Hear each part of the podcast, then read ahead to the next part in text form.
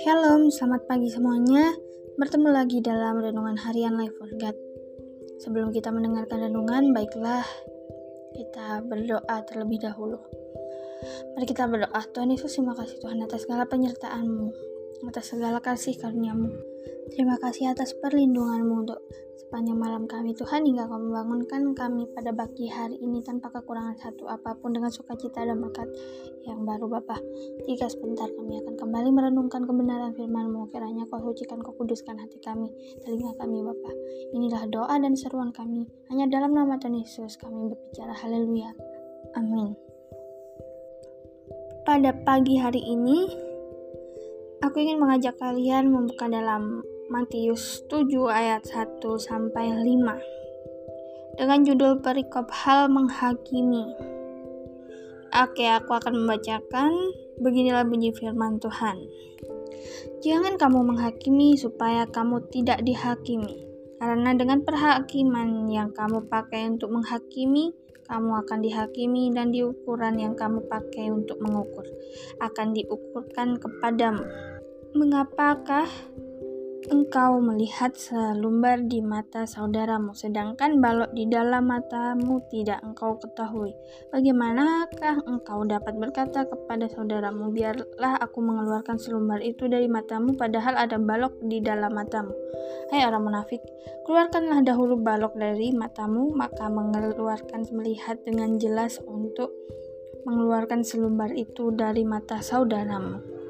Baik teman-teman, di sini sangat tertulis jelas bahkan di ayat pertama, jangan kamu menghakimi supaya kamu tidak dihakimi.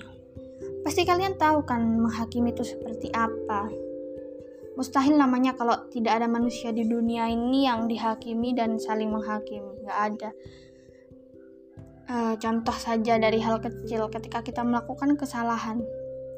Lalu ada orang yang menghakimi kita atau bahkan sebaliknya kita yang menghakimi orang. Padahal orang itu melakukan kesalahannya bisa dibilang cuma sepele. Ya nggak sepele aja sih. Di sini aku cuma mengambil contoh sepele aja. Misal orang ini berbuat salah.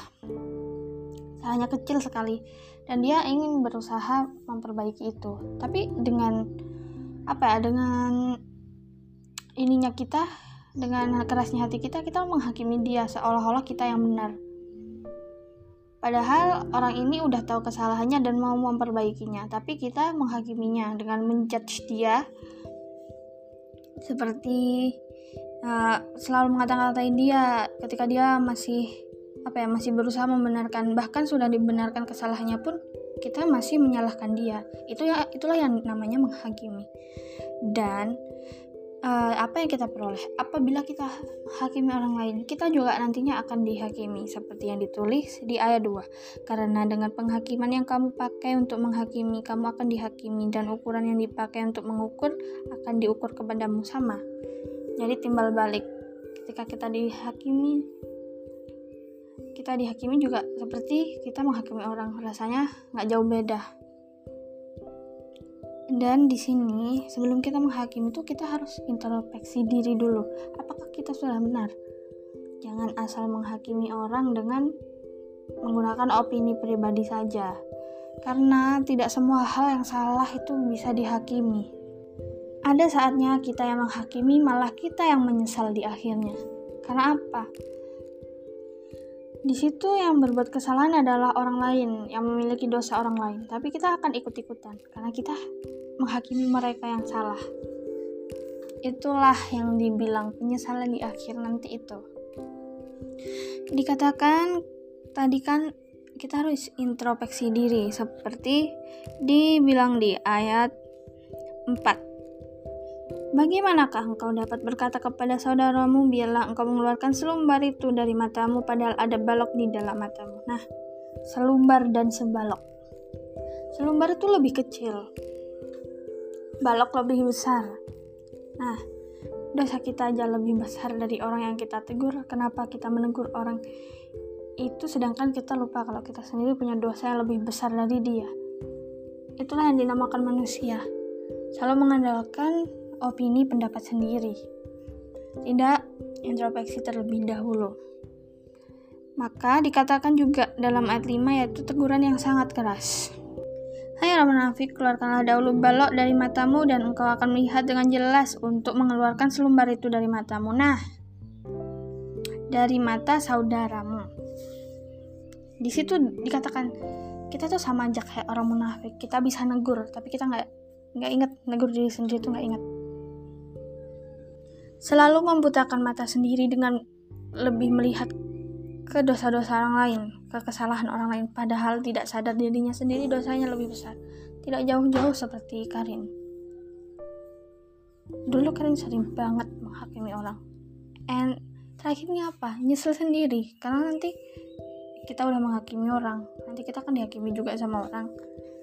Kita dapat dosa, kita dijauhi banyak orang. Itulah ada penyesalannya. Jadi buat kalian-kalian stop buat menghakimi seseorang. Apabila ada seseorang melakukan kesalahan, ya udah tegur dengan baik-baik. Apabila tidak bisa ditegur dengan perkataan, ya udah nggak usah dilawan, didoakan saja, biar urusan dia sama Tuhan. Toh kamu juga udah memperingatkan kan? Jangan terus Tuhan berkata dia tuh salah. Kenapa dikatakan nggak bisa? Karena aku udah benar. Jangan kayak gitu. Kalau kamu emang udah tahu mana yang baik mana yang buruk, ya udah kalau orang ya nggak ini yang nggak bisa kamu bilangin ya udah cuma doakan saja. Jangan dikata-katain dihakimi dengan diri sendiri yang nggak nggak gitu. Jangan. Jangan nambahin dosa. Jadi kalau ada orang yang bersalah dibilang ini baik-baik jangan dihakimi secara sepihak saja. Cari dulu cari tahu dulu perkaranya apa penyebab dia melakukan kesalahan apa seperti itu. Baik teman-teman mungkin ini aja renungan singkatnya.